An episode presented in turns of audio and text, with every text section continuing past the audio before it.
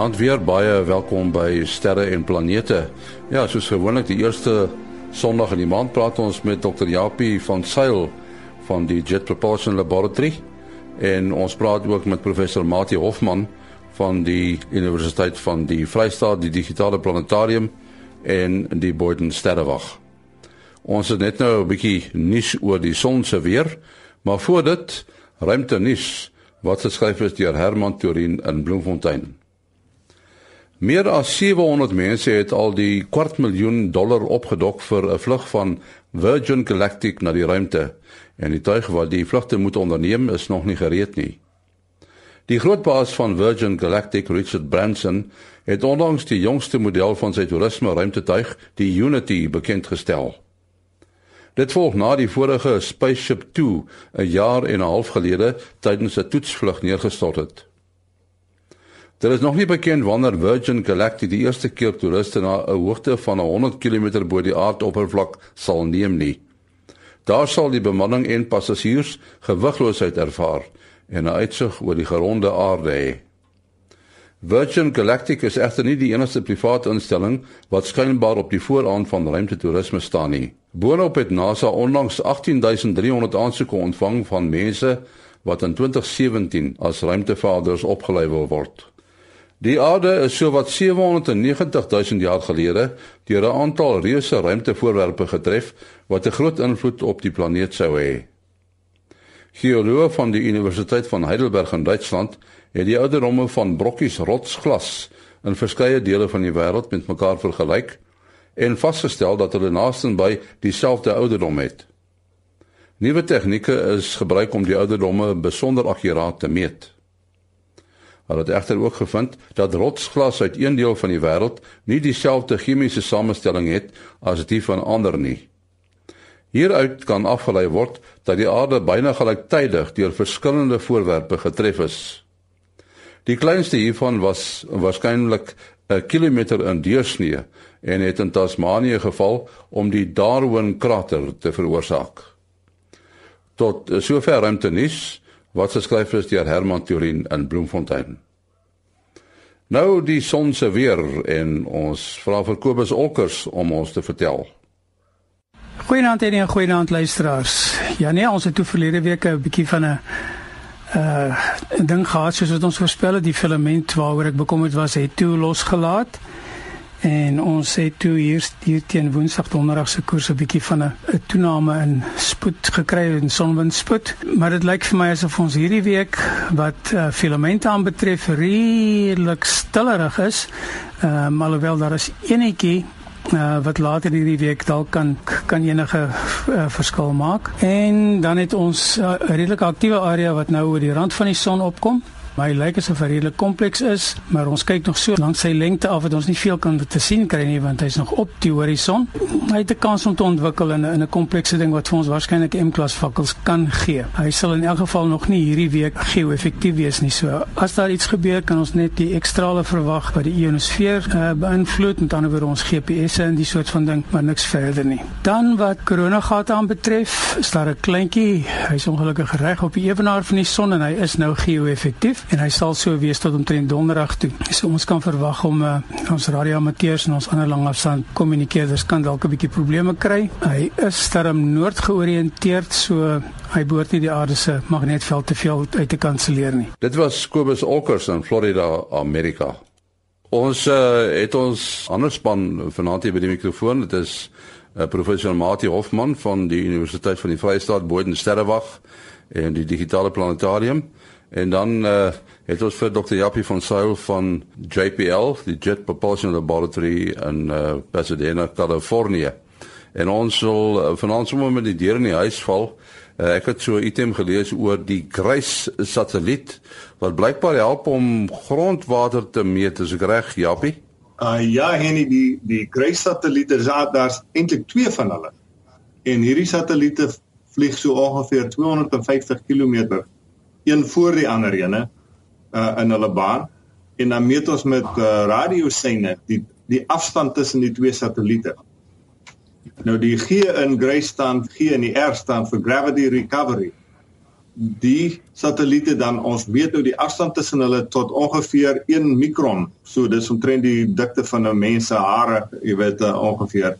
Soos hulle nou om die aarde vlieg. Nou kan jy dink as daar 'n deel van die aarde is wat meer swaartekrag het, soos wat hulle aankom, dan trek die voorste satelliet nou meer aan versnel hy as gevolg van daai swaartekrag meer as die ene wat nou nog verder is.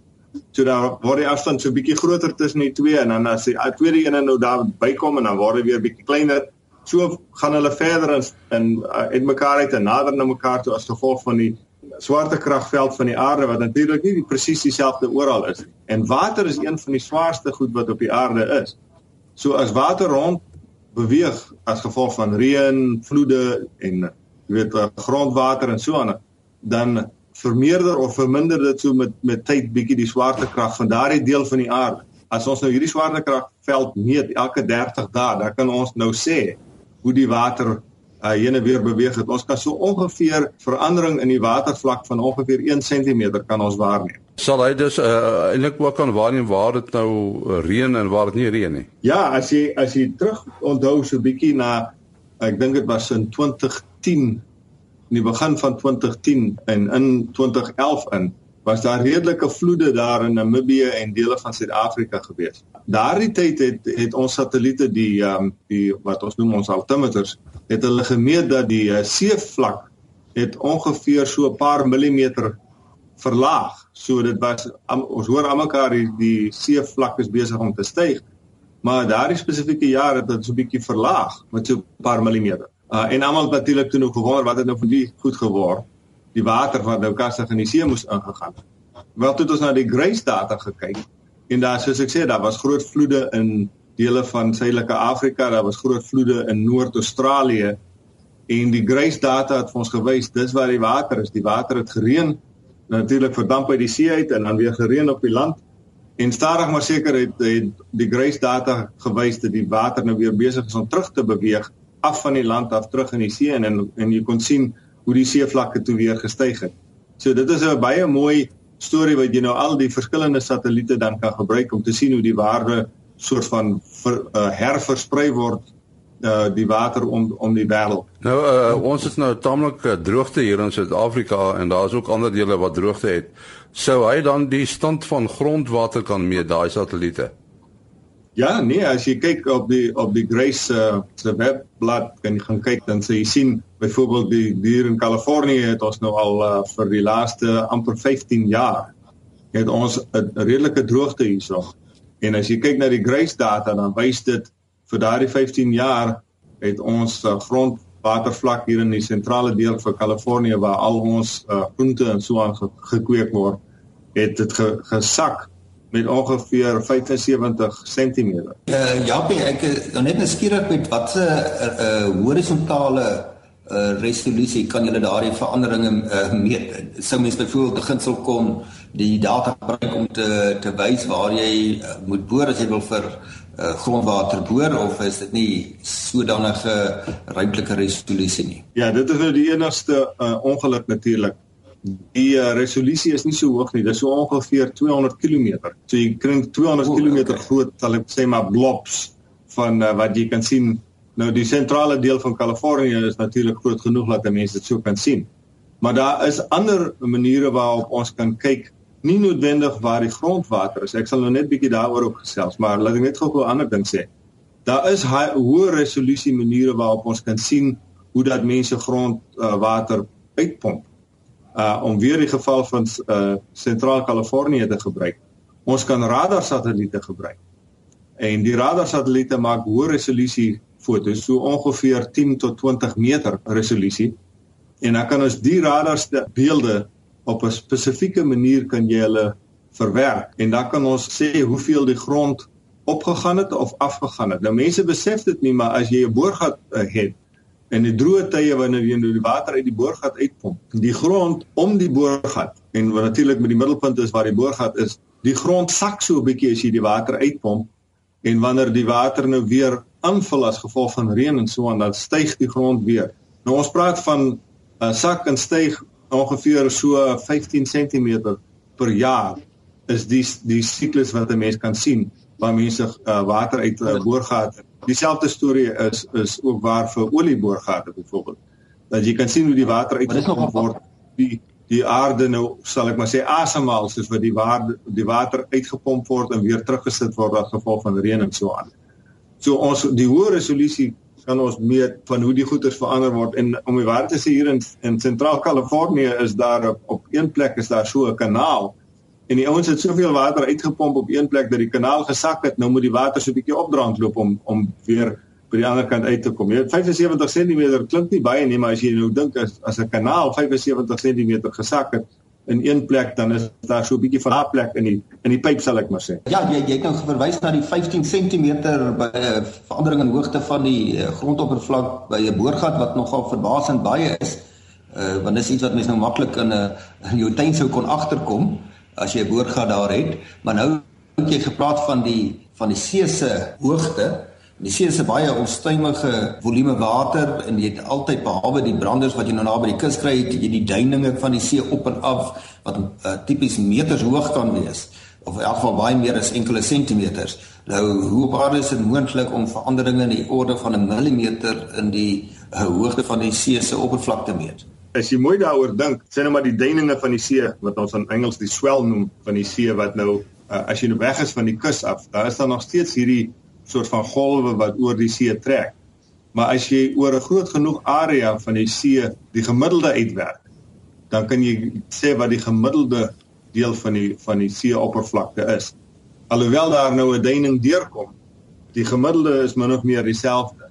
Dis maar net die dat die water nou in sal ek maar in die, in die hoogkant van die van die duining en in die laagkant van die duining gedoen is. So ons neem uh, hierdie beelde sal ek maar sê die metings van die gemiddelde hoogte van die see ongeveer elke 10 dae uh, en ons ons um, vat die gemiddelde oor 'n redelike groot area so ongeveer 20 km wat natuurlik heelwat groter is as die as die duinings wat mense in die see kry. Dis hoekom ons kan sien as die El Niño signal byvoorbeeld die die sein van die El Niño verskynsel wat die water van die Japanse kant van die Stille Oseaan af oorbeweeg na Amerika se kant.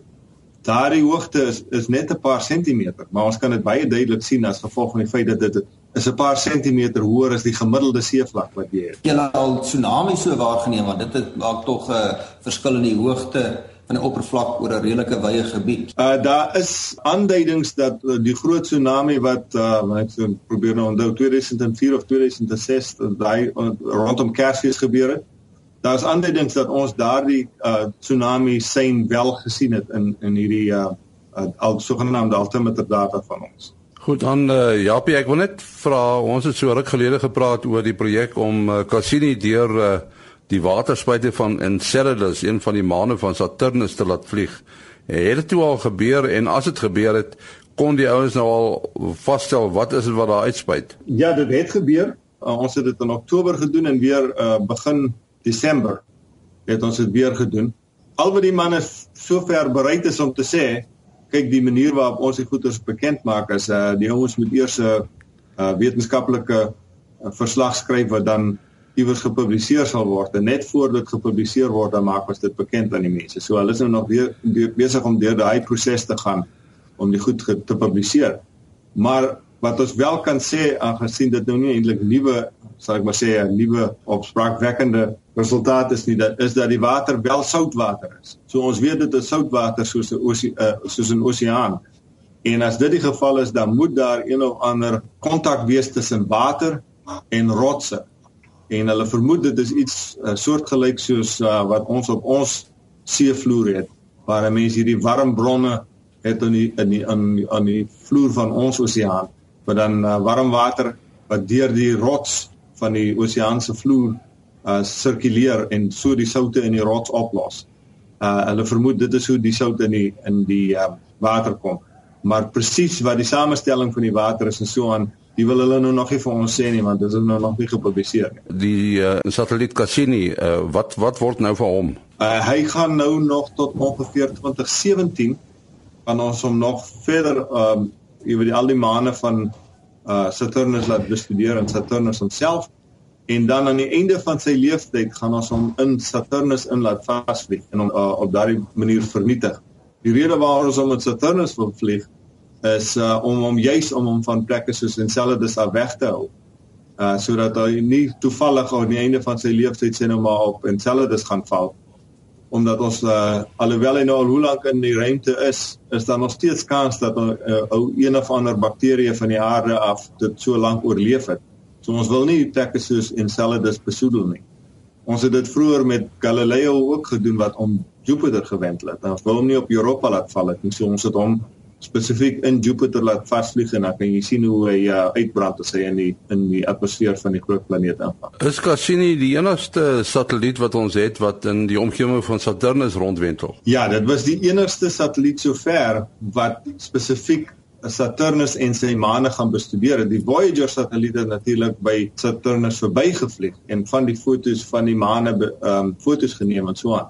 Maar hy het net verbygevlieg. Hy het nie in 'n wentelbaan om Saturnus en sy maane gegaan nie. Cassini was spesifiek gestuur om Saturnus en sy maane te gaan bestudeer. En is daar soortgelyke satelliete vir Jupiter? Ja, ons het al uh, Jupiter dit het natuurlik ook eerste met die Voyager satelliete fotos geneem van Io en en van uh, Europa en uh, en Ganymede en so aan.